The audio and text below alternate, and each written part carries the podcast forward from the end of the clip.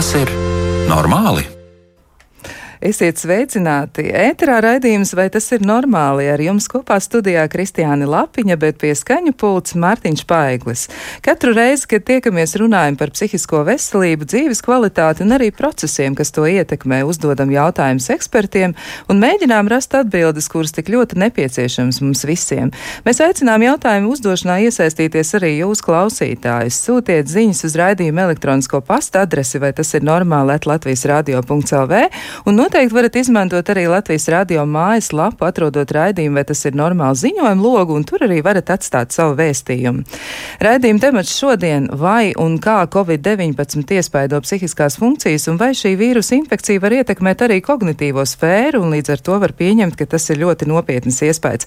Un šo problēmu komentēt esam aicinājuši raidījumu viesus pie mums eh, virtuāli. Šodien viesojas Mārs Talbi, psihiatrs, medicīnas doktors, Rīgas Tradiņu universitātes profesors.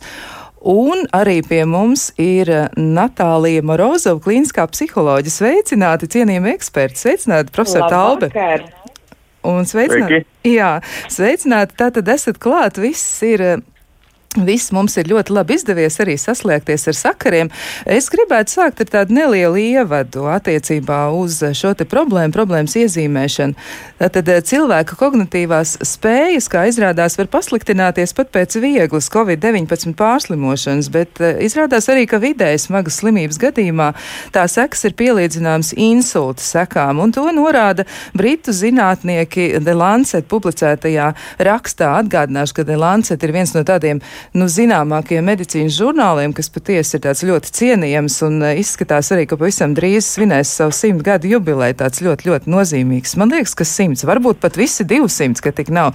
Es tagad sāku domāt, ka žurnāls ir dibināts iespējams, ka pat vairāk. Jā, bet uh, šodien ne par žurnālu, šodien tieši par to, kā tad ir ar kognitīvajām spējām. Un uh, mans pirmais jautājums būs profesoram Taubem. Nu, kā jums eh, šķiet, kā tas ir? Kas par to ir zināms šobrīd? Kā tad Covid-19 ietekmē organismu, ja mēs runājam tieši par psihiskajām e, funkcijām? Jā, nu, arvien, arvien vairāk parādās informācija par, par Covid sekām dažādās jomās. Un, ja pirmajā, pirmajā etapā ziņoja un Pasaules veselības organizācija brīdināja par to, ka pati pārslimošana, teiksim, arī šī ierobežojumi, nu, teiksim, veicina cilvēkiem stresa traucējumus, depresijas, uh, izdegšanu vai posttraumatisko stresa sindromu, tad tagad arvien vairāk parādās arī publikācijas par tieši šiem te kognitīviem traucējumiem.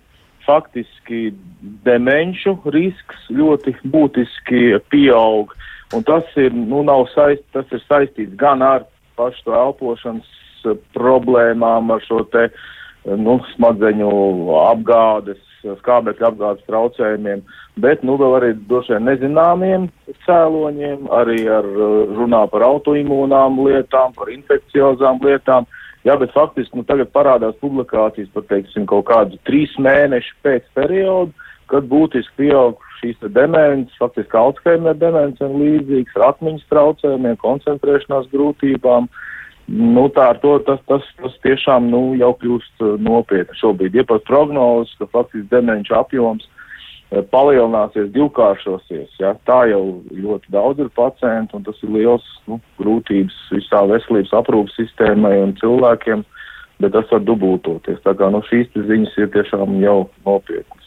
Jā, nu vēl arī man gribētos precizēt, kā tad ir ar vecuma grupām, vai tas ir arī kaut kā atšķirīgi. Piemēram, mēs zinām, ka Covid-19, nu, no vienas puses eh, kardiologi, piemēram, ziņo par to, ka pastāv zināmi riski, kuri ir varbūt relatīvi nelieli, bet tomēr viņi pastāv un tādas ļoti konkrētas lietas viņi ir atklājuši. Bet kas ir zināms par kognitīvajām funkcijām, par šo te jomu, doktor Taubi, ko jūs teiktu, kas ir noskaidrots, vai vecuma grupās ir kādas atšķirības, kur tie riski varbūt ir lielāki?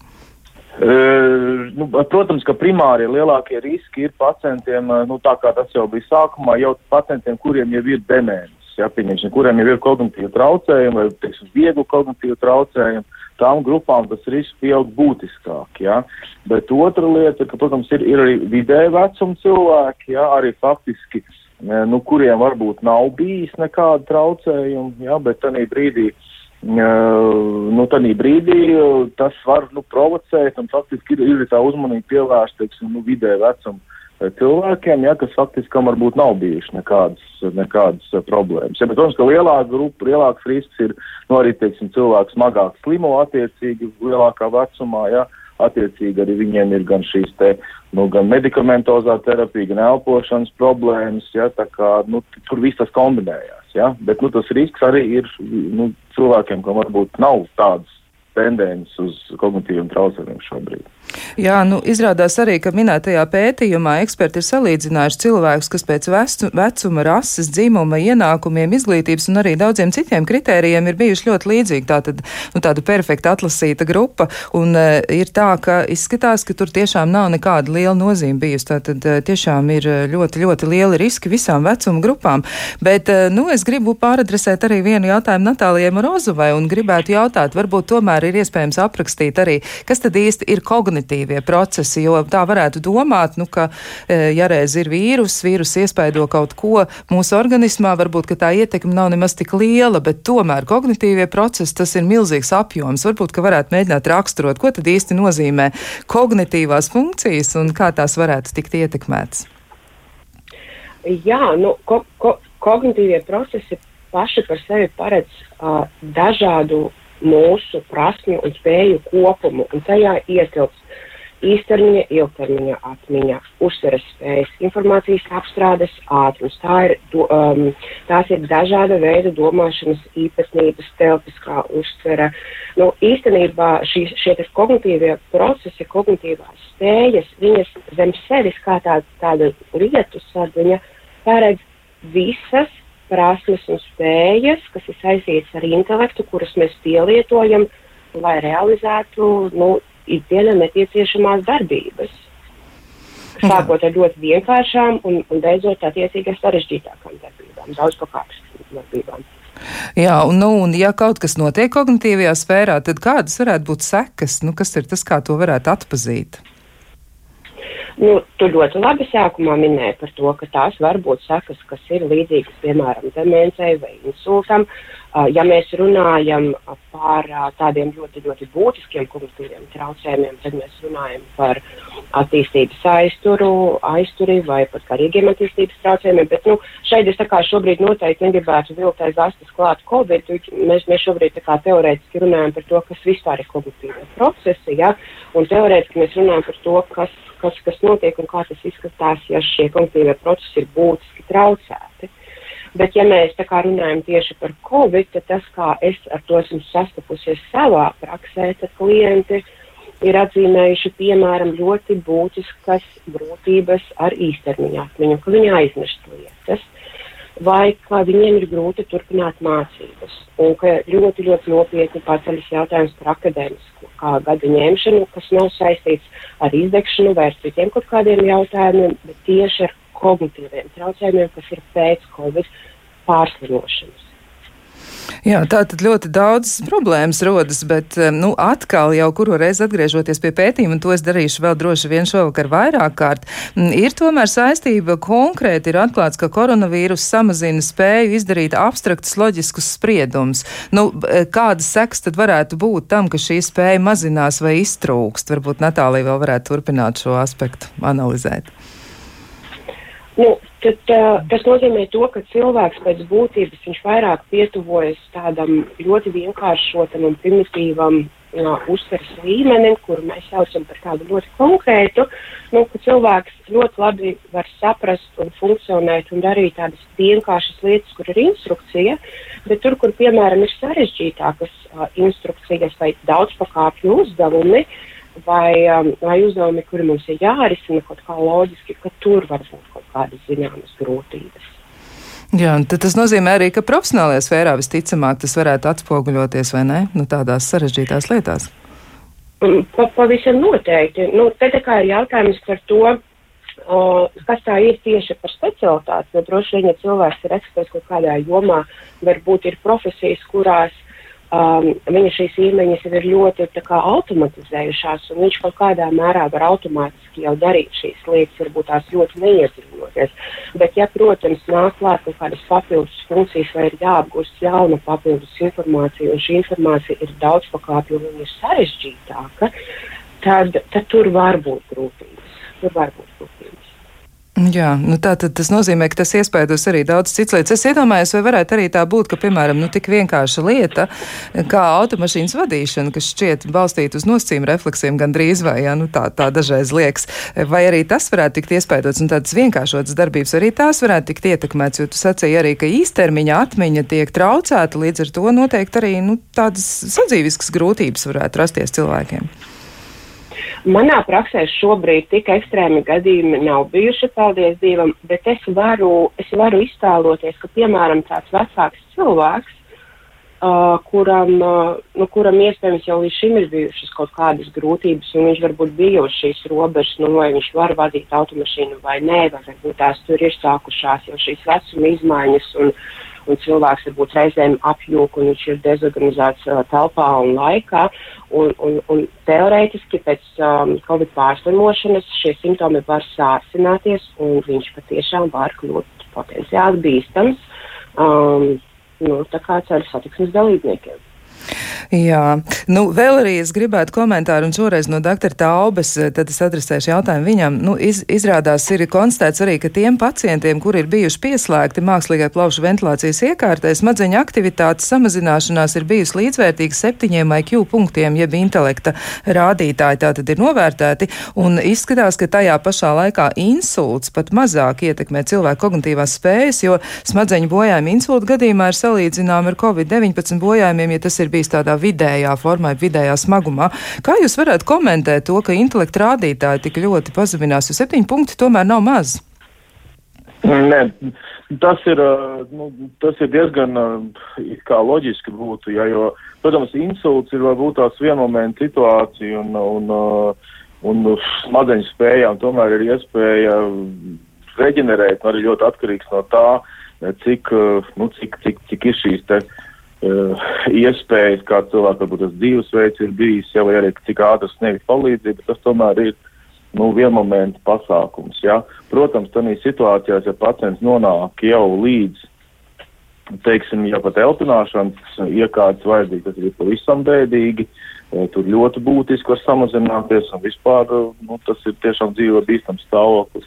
Bet, nu, loģiski, jo tāpēc, ka es domāju, ka pamata aspekts ir laiks, jā, jo faktiski, teiksim, ja cilvēkam vajadzīga šī te terapijas vīrus, tomēr iet ilgi, jā, ar savu atkārtot uzliesmojumu, atkārtotiem, pēc tās klīniskās sainas parasti pirmās dienas varbūt liekas, ka uzlabojums, tad atkal pasliktinās, jā, vajadzīga šī skābekļa terapija, un, un tāpēc tas laiks, summējoties, ko tās smadzenes nesaņem, pietiekamai skābeklī, tas rezultējās šīs kognitīvās spējas. Nu, arī, protams, pēc insultiem, ja, ja mēs tā rūpīgi skatāmies, vērtējam, tad nu, bieži vien cilvēkam arī mainās šīs kognitīvās spējas. Varbūt, varbūt paturpinot kolēģi, nu, cik varbūt mēs to reizēm pat nepamanām, ja ikdienā, bet, teiksim, bieži vien saka, ka cilvēks ir palicis, varbūt raksturā izmainot, viņš ir īgnāks, asāks palicis, ja.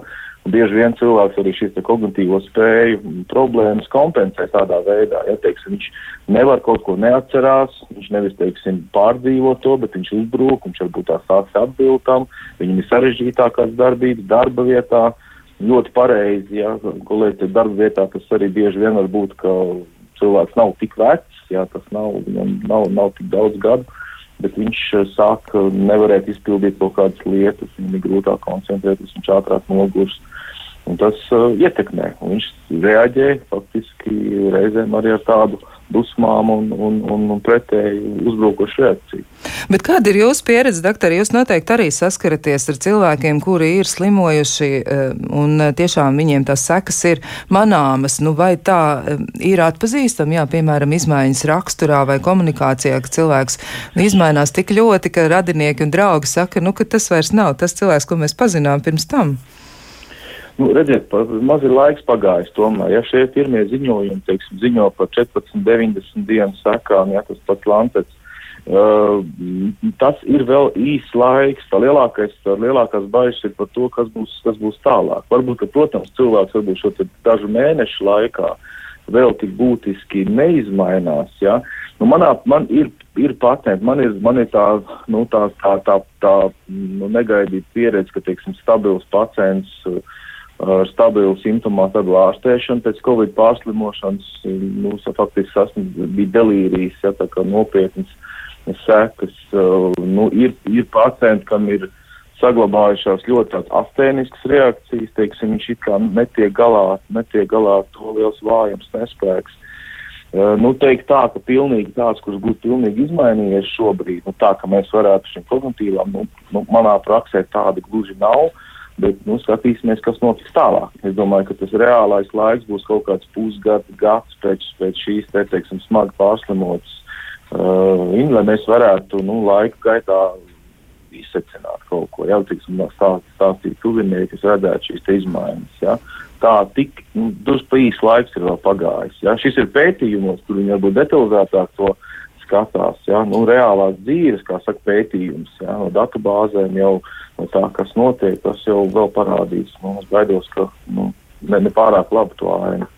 Jā, izskatās, ka tās cerības mums ir eh, jāmēģina nu, tā mazināt. Nu, viņām, protams, būtu jābūt un kaut kur sirds kaktiņā un prātā tās ir jāatstāj, bet tāpat laikā dati, eh, kas ir savākti, tiešām ziņo un, un, un pētnieks ziņo par tādām visnotaļ nelāgām lietām. Nu, vēl arī viens no aspektiem, kas ir minēts eh, šajā konkrētajā pētījumā, ir tā, ka nu, tas slimības skartais intelekts laika gaitā šķietami neatjaunojas. Tātad tas nozīmē, ka vismaz, nu, arī jūs jau teicāt, ja, ka laiks ir pārāk mazs pagājis, lai varētu par to tā ļoti droši spriest, bet, nu, ir, ir eh, ziņas par to, ka īsti ar to intelektu tik labi nesoks. Jāatzīst arī, ka man bija pašai iespēja aprunāties ar vienu no Latvijā ļoti zināmiem ārstiem, kas, manuprāt, daudzos klausītājus izraisa arī dziļas simpātijas, proti, tas ir profesors Danilāns, un viņš arī ļoti ilgi slimoja ar Covid-19, viņam bija ļoti smaga situācija, un viņš par sevi arī atzina, ka kaut kas īsti brīžam, nu, ir licies, ka nav gluži kārtībā ar to kognitīvo sfēru, un eh, laikam tomēr tās sekas ir diezgan nozīmīgas. Bet eh, man jautājums arī profesoram Taubam ir par to, vai jūs saskatāt arī nu, tādu saistību, piemēram, jau esošajiem stāvokļiem un eh, nu, Covid-19 atstātajām sekām. Jūs jau minējāt pāris piemērus, bet varbūt vēl kaut kur tas atspoguļojas. Nu, kā ir, piemēram, depresijas pacientiem, kā viņi pārdzīvo šīs lietas, vai jums ir jau kādas ziņas par to? Nu, ir, ir, jā, dati, tātad pamatlietas, ko atzīmē arī pasaules, pats Lancets un arī, arī mūsu Latvijas pētnieki, docents Rubļevski un profesors Ansāns, kas šeit Latvijā to ir pētījuši.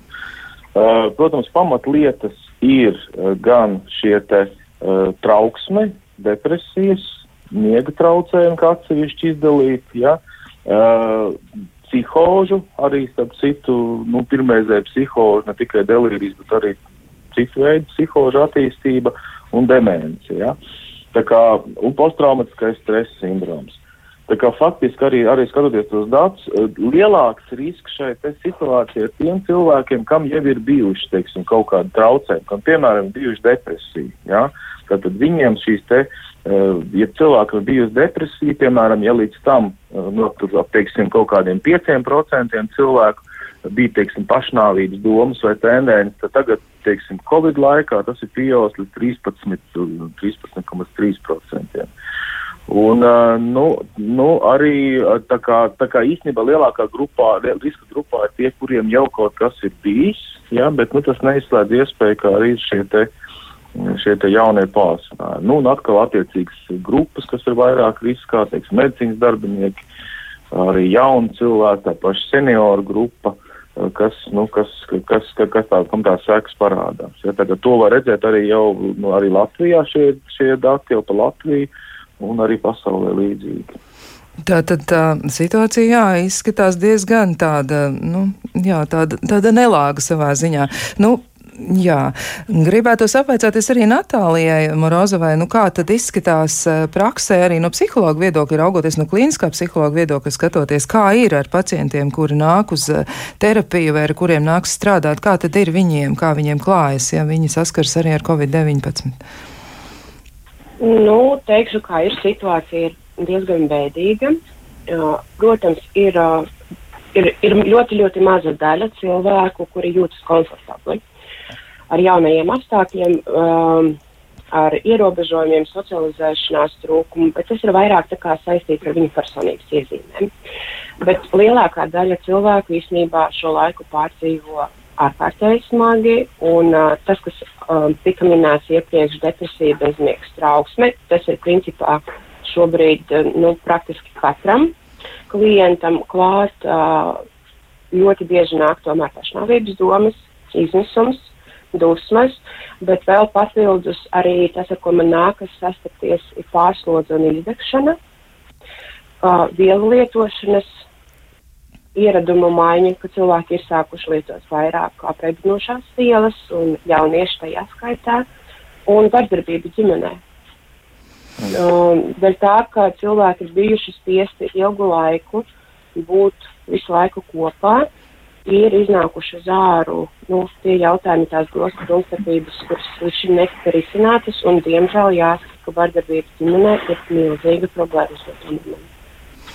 Jā, nu, tāda piespiedu imobilizācija, ja tā var teikt, gan tāda psiholoģiska, gan arī fiziska, bet eh, vai Natālija varētu arī tā būt, ka tas, ko minēja arī profesors Tauba, izmaiņas eh, cilvēku funkcionēšanā, ka viņi kļūst agresīvāk, nesavaldīgāki, ka viņiem ir grūtāk apvaldīt savus impulsus un viņi, nu, vieglāk tiem seko, jo ir grūti tik galā ar šīm lietām, vai arī tas varētu būt vēl papildus tāds aspekts, kas ietekmē attiecības, piemēram, ģimenē. Bet, protams, mēs šobrīd varam viennozīmīgi runāt par krīzi visas pasaules līmenī. Un krīze nozīmē to, ka katrs no mums šobrīd ir nokļuvis absolūti jaunos apstākļos, kuros mēs līdz šim, līdz šim nekad neesam bijuši. Un krīze pati par sevi nosaka to, ka mums nav veidu, kā ar šo jauno situāciju tikt galā. Mums visiem ir jāadaptējas.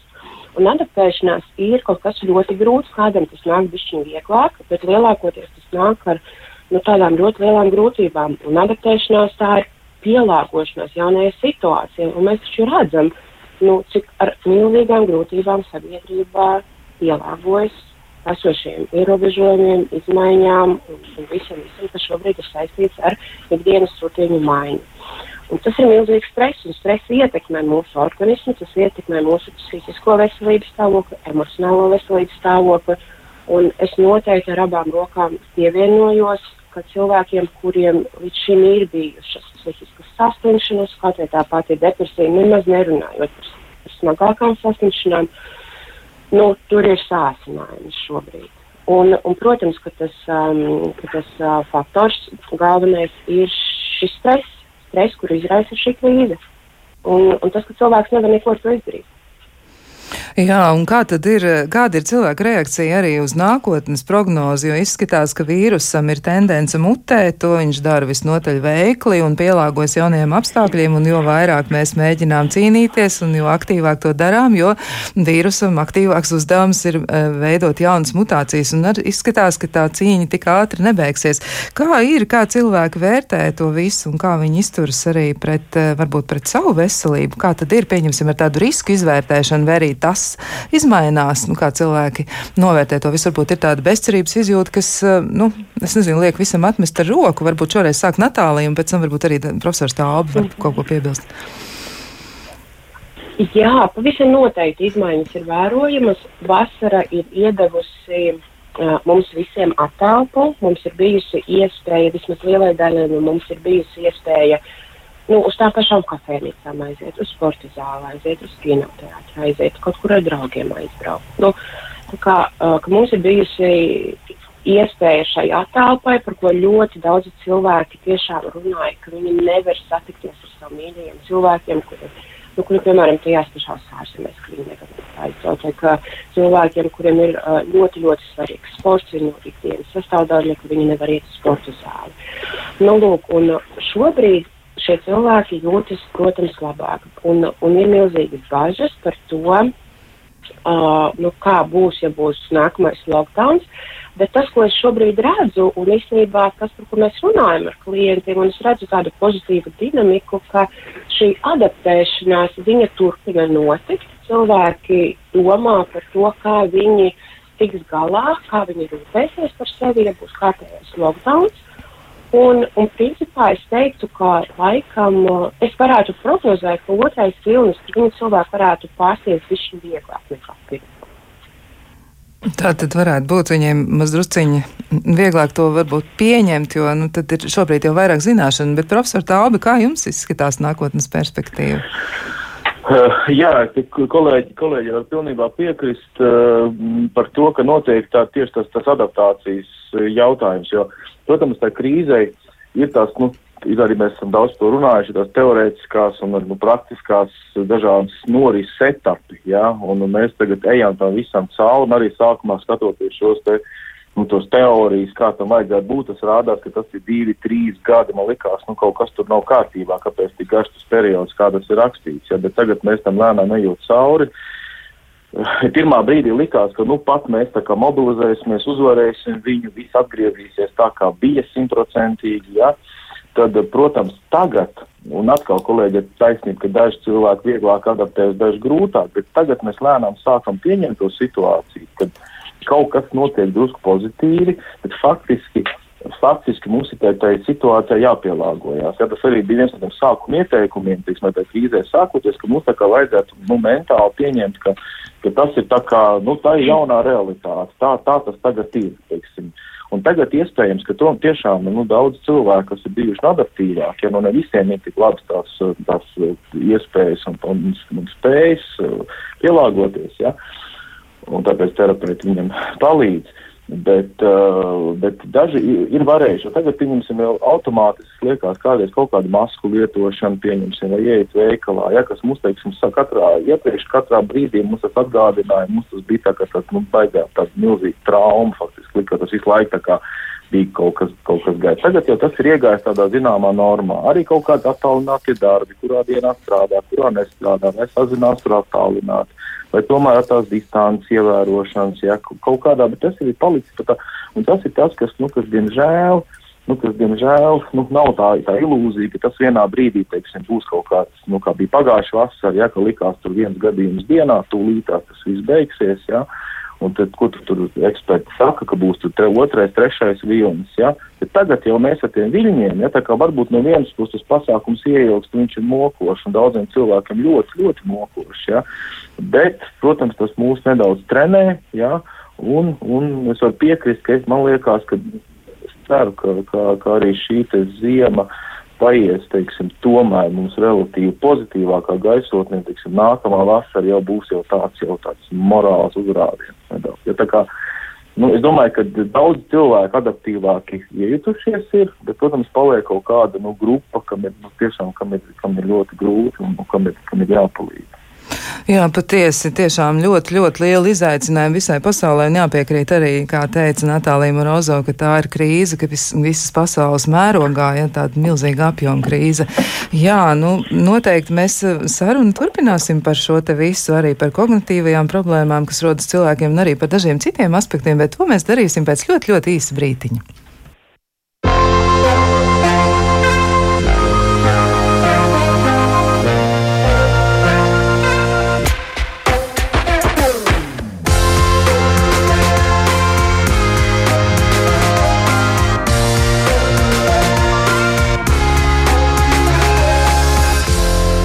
Vai tas ir normāli?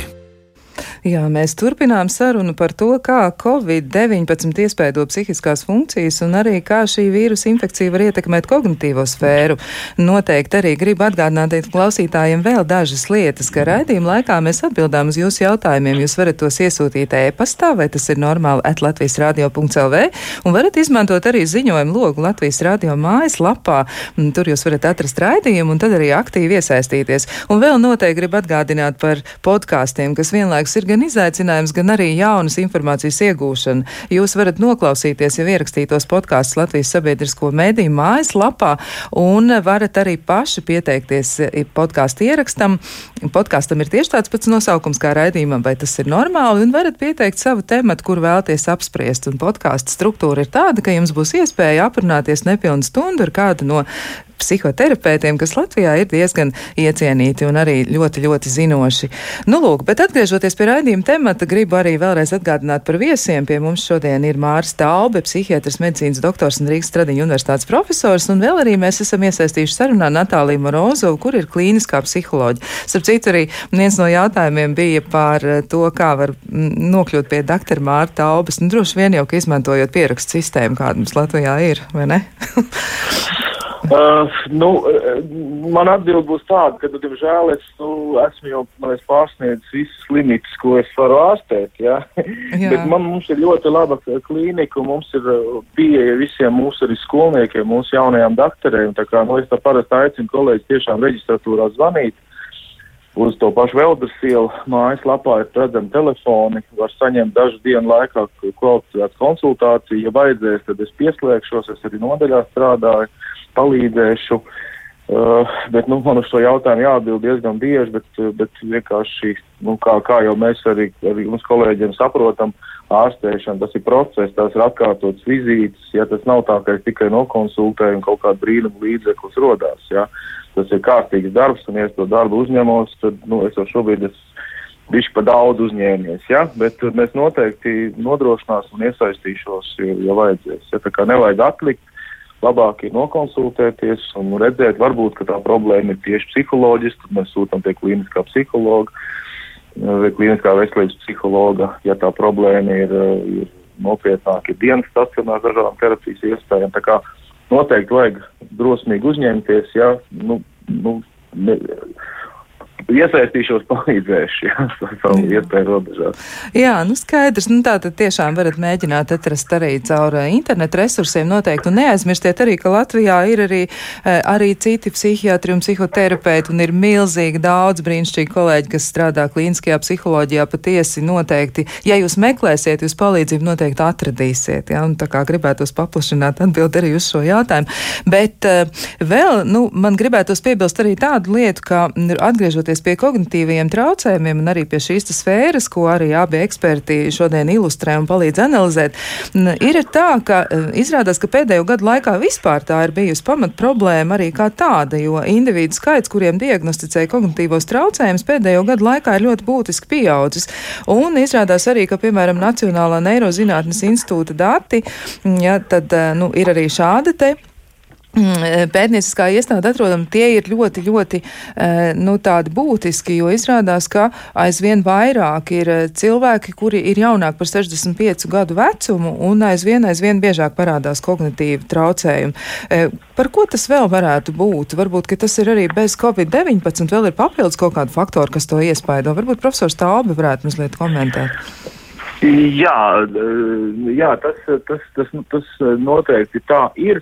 Es domāju, ka te ir dažādi aspekti. No vienas puses, protams, tas, kas ir viena lieta, ir, ka, protams, pieauga, pieauga nu, prasības šai kognitīvai sfērai. Ja, tā kā zinātne nu, attīstās, attīstās tehnoloģijas, ja, un, protams, teiksim, nu, pilnīgi atšķirīgi tagad faktiski norma ikdienas normai, tas, ko jūs arī pieminējāt, teiksim, darba dzīve, ikdienas dzīve, tam pieņemsim ob obligāti nepieciešama datortehnika, spēja telefonu rīkoties operatīvi, ātri informācijas apjoms, milzīgs apjoms. Ja?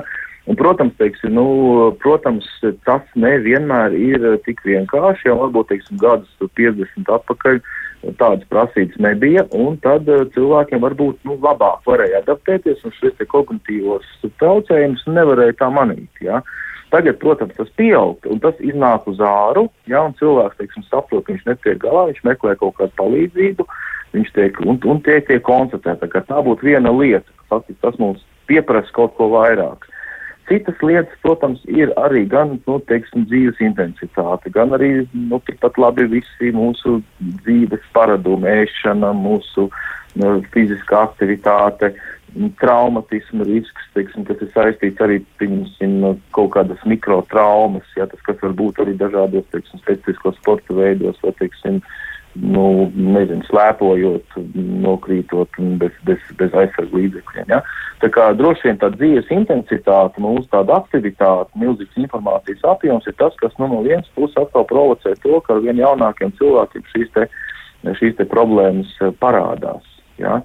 Nu, vairāk es tomēr sliektos uz to, ka droši vien, ka mēs viņus varbūt tiešām vairāk, vairāk pamanām un ir augstākas prasības. Jūs vairs nevarat iztikt ar to, uh, nu, teiksim, to līmeni, to tempu, ja kādā jūs funkcionējāt, varbūt teiksim, tiešām nu, pirms interneta laikmetā vai, vai, vai tam līdzīgi. Ja, informācijas plūsma, ātri reaģēt, arī prasības darba tirgos, ja, protams, tēmas, pavisam tas, ko runā par darba efektivitāti, tas faktiski nozīmē nu, maksimālu kognitīvo funkciju izmantošanu. Cilvēks darīt vairākas lietas reizē, viņš pārslēdzas no vienas, viņam ir viens mītiņš, otrs ir laiks, ir saplānots, viņš precīzi saplāno dienu. Viss šīs te funkcijas, tas ir tieši nu, kognitīvās funkcijas.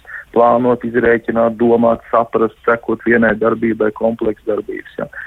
Nu, mana, manā, manā atbilde būtu droši vien tāda, nu, ka tas ir bijis kompleksa, kompleksa lieta. Mēs nevaram to norakstīt tikai uz vienu ekoloģiju vai, vai tam līdzīgi, vai ēšanas paradumiem, bet, bet viss šis kopums mums bišķiņ gan tādā situācijā. Jā, tāds diezgan liels spiediens, un tagad gribētos izmainīt to veco labo izteicienu, ka mēdz kādreiz tādu padzīvojošāki ļaudis teikt, ka mūsu laikos tā nebija, tad laikam tagad jauniešiem vai jaunākiem cilvēkiem jāsaka, jūsu laikos tā nebija, ja, tad uz otru pusi.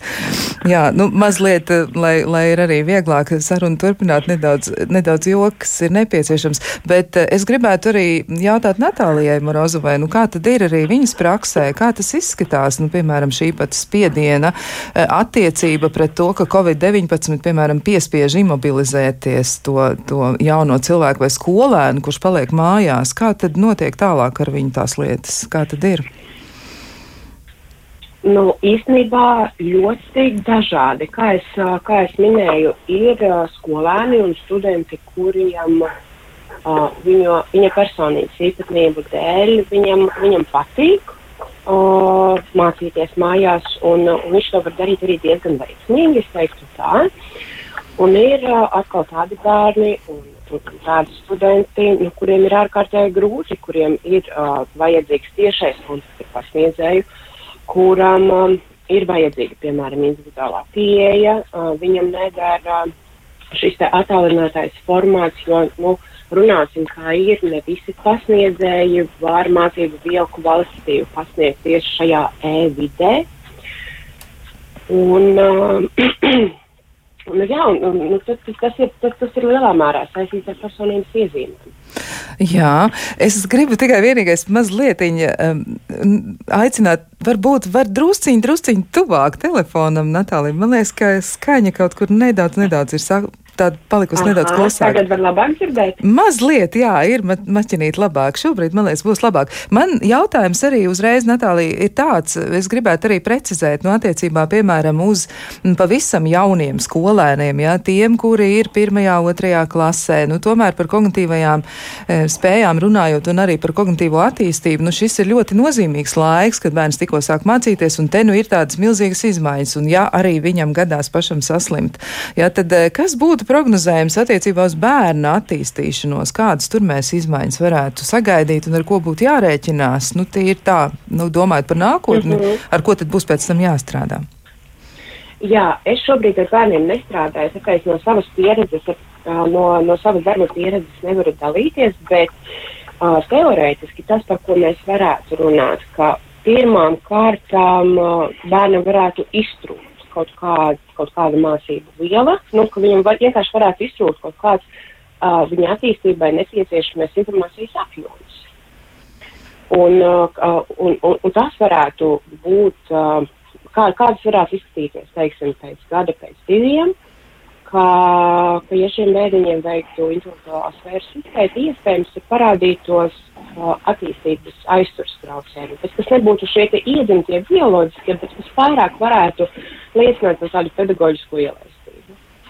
Nu, ka bērnam kaut kādu iemeslu dēļ nav izdevies apgūt pietiekami labi mācību vielu, un tur attiecīgi ir visi šie faktori, par kuriem mēs šobrīd varam runāt. Uh, mācības neklātienē, augsts stresa līmenis, um, attiecības ģimenē, vardarbība, varbūt tās vēl kaut kādi citi faktori.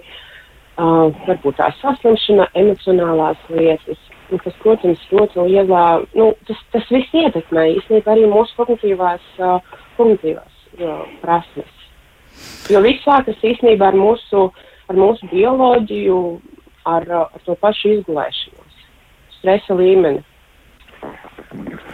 Jā, nu, ir jau arī tā, ka kognitīvās spējas nodrošina to, ka mēs kaut vai, piemēram, spējam vienlaicīgi veikt divus uzdevumus, un ja mums ir kaut kas ar to noticis, tad mēs īsti ar to netiekam galā. Kaut gan m, mm, pēdējā atklājuma liecina par to, ka cilvēks nav tāds vairāku darbu darītājs, ja ka labāk ir fokusēties uz kaut ko vienu.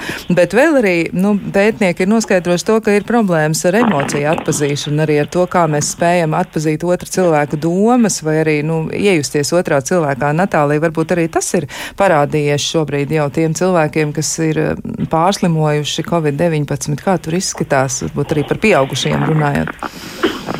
Es, es neesmu novērojusi specifiski šo, šo īpašību tieši saistībā ar Covid, bet uh, es, es vairāk runātu par to, ka nu, tā vispār ir problēma, problēma mūsu sabiedrībā. Uh, prasme atzīt otru cilvēku emocijas, nu, nemaz jau nerunājot par savām emocijām. Uh, nu, kad, kad cilvēks, cilvēks aprobežojas bieži vien ar labi, slikti, normāli. Un, un principā visas pārējās emocijas viņam tā kā lēnām garā ir jāmāca, lai viņš varētu sākt atzīt, kas tad īstenībā ir tas, ko viņš piedzīvo, vai tās ir dusmas, vai tās ir bailes. Jo pat šīs emocijas cilvēks nereti neatpazīst.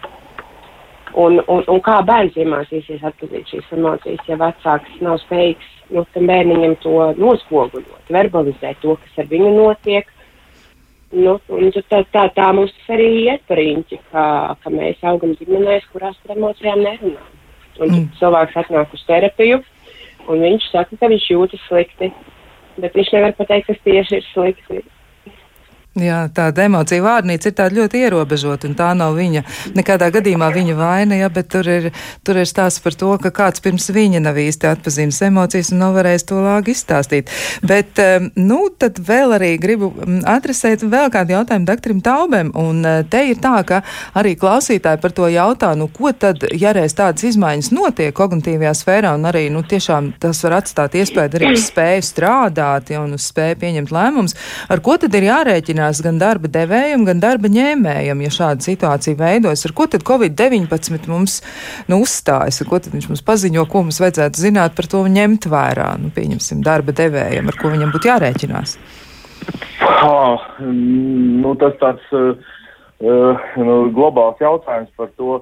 Es domāju, ka, es domāju, ka drusku, protams, mums vajadzētu, varbūt tas Covid arī ir kaut kādas lietas, ko mēs vienmēr sakam, labās lietas, sliktās lietas. Ja?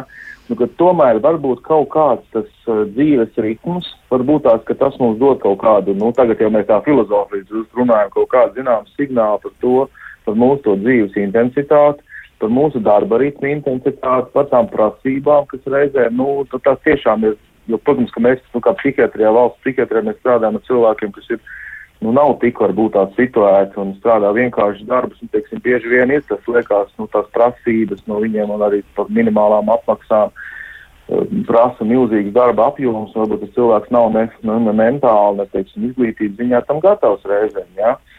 Un varbūt, ka te, te nu, drusku derētu piebremzēt, drusku novērtēt tā cilvēka, nu, tās prasmes, varbūt, ka tiešām strādāt, nevis, ka visu laiku mainīt darbinieku, bet ņemt pastrādāt, varbūt atvieglot viņam to režīmu. Varbūt notiek kaut kādas šobrīd jau tiešām tur attālinātas, varbūt ir kaut kādas nu, darba laika vai intensitāte, varbūt vairāk ir nu, darba devēja nu, jūtot kaut kādu darba spēku trūkumu jau zinām, e, meklē kaut kādas iespējas nu, attālināt darbs mājās vai elastīgāks režīms, varbūt kaut kāds, teiksim, puslodžu darba ritms, varbūt ritms uz kaut kādu padarīto darbu. Ja? Uh, Tā kā, mm, es domāju, ka te drusku jau sāk nedaudz pielāgoties tam, ka nu, vispār mums jau nav tik viegli ar to visu dzīvi tikt galā. Un ja tagad, protams, cilvēkiem būs šādas sekas, ja, nu, tad, tad, tad, tad, tad te būs drusciņi, drusciņi tā, nu, tā attieksme drusciņi jāmaina. Ne jau pa vēl, teiksim, ir tomēr, tomēr Nu, mēs cīnāmies ar kaut kādu nabadzību šobrīd, bet uh, no bagātākās valsts tomēr jau risina kaut kādas saīsinātās darba nedēļas vai, teiksim, kaut kādas dienas, kad cilvēks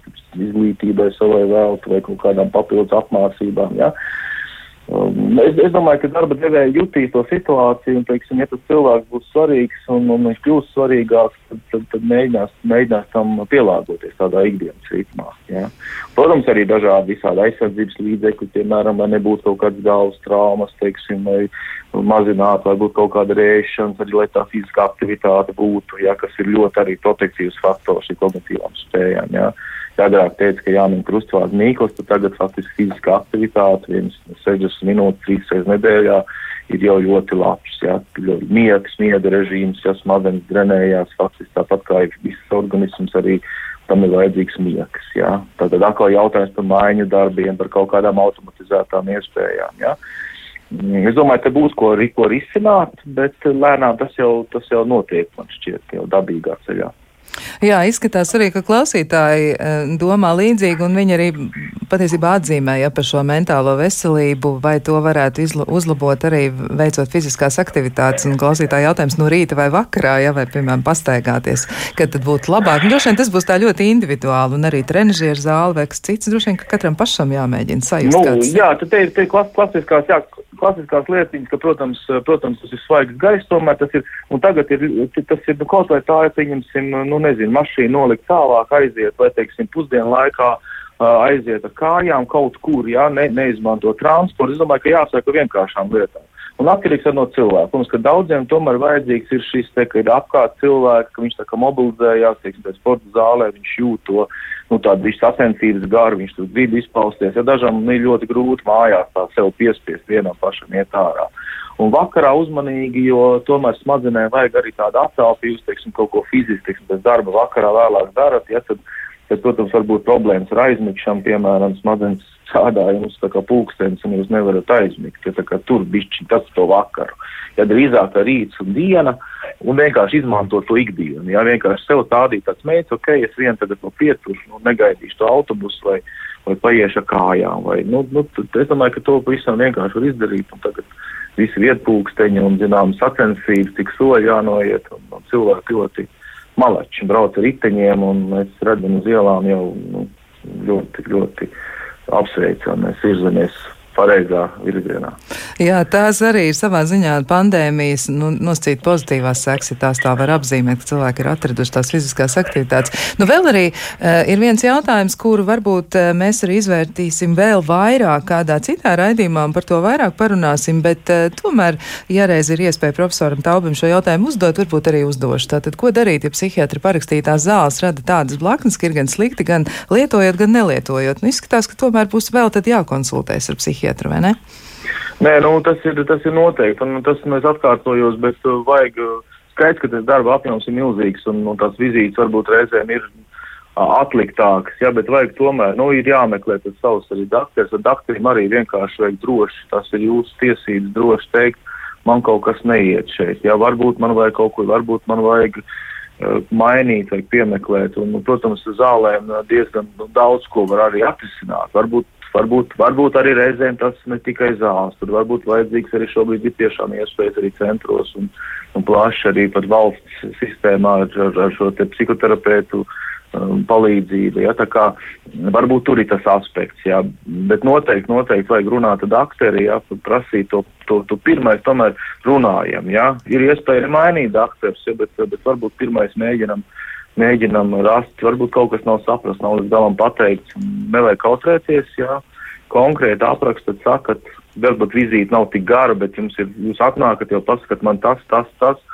un daktarim tad ir uzreiz vieglāk reaģēt, jā, tā kā arī telefoniski, tomēr saziņas mums notiek ar pacientiem, jā, tā kā, nu, runājiet, jā, nu droši tā ir jūsu veselība un, un, un prasat savus Jā. jājūtās labi.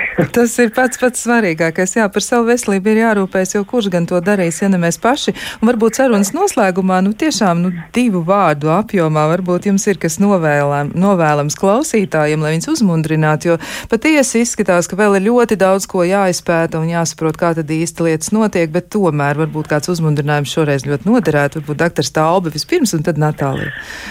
Nē, es, es, domāju, ka, es domāju, ka tas, protams, ka tas, tā labā ziņa ir tāda, ka mēs tomēr, nu, daži tādi teikumi, pat ne, man, pat ne mans izdomāti, bet faktiski tās krīzes ir bijušas, arī šādas ir bijušas arī vēsturiski, un mēs esam tikuši tam pāri, vienmēr cilvēks ir ticis tam pāri. Un būtībā nu, mēs visi esam kopā tajā problēmā, un mēs no viņas arī visi kopā, faktiski visu pasauli gandrīz vai ārā tiksim. Ja? Un uh, arī skatoties vienam uz otru, nu, tās, tas, tas teikums ir, ka vairums cilvēku ir labi cilvēki. Ja vairums ir cilvēki kopā palīdz viens otram, kas arī šajā brīdī parādās, un, uh, un, un, un, un tas, ka varbūt ka kāds ir kaut kāds, kāds ir savā izmisumā, nu, pretēji reaģē. Viņš arī varbūt nav slikts cilvēks, vienkārši viņš tā reaģē šajā situācijā. Ja? Viņam ir tik grūti, ka viņš varbūt tā kā māk tā reaģē. Ja? Tā kā nu, neskatāmies uz to slikto, vairums mēs esam labi un mēs nu, nu, tiksim, tiksim arī no šīm problēmām ārā. Jā, paldies, profesor Talbe un Natālija Morozova, ko piebildīs. nu, es piebildīšu to, ka krīze lai cik arī mums viņa ļoti nepatiktu un mums būtu grūti visā šajā laikā un posmā un procesā un neziņā, uh, viņas pozitīvais aspekts ir tajā, ka viņa piespiež mūs iziet ārā no komforta zonas, un mums obligātā kārtā ir jāapgūst jaunas prasmes. Un uh, tas, ko es no savas puses novēlētu šobrīd uh, klausītājiem, uh, mēģināt saprast, kas ir tie jaunie hobiji, jaunie rituāli, jaunās ģimenes tradīcijas, kuras jūs varat ieviest savā dzīvē, lai, uh, nu, lai tas ir kaut kas tāds, kas jums palīdz tikt galā ar visu šo posmu, kaut kas tāds varbūt tās, kas saglabāsies arī pēc tam. Jā, nu tad veidojam jaunas lietas, jaunas prasmes, jaunas iemaņas un mēģinām arī tās attīstīt. Un šobrīd saku paldies gan profesoram Mārim Talbem, gan arī klīniskajai psiholoģijai Natālijai Morozovai, bet savukārt klausītājiem noteikti es varu teikt, ka mēs tiksimies pēc nedēļas, un tad mēs spriedīsim par to, kā mūs ietekmē laika maiņa un vai tā var atstāt iespēju arī uz psihisko veselību. Ko tad nozīmē sezonālā depresija un vai tā ir uzveicama? Studijā bija es, Kristiāna Lapiņa, bet par skaņu šo šodien rūpējās Mārtiņš Paiglis. Uz tikšanos un lai jums skaista nedēļa!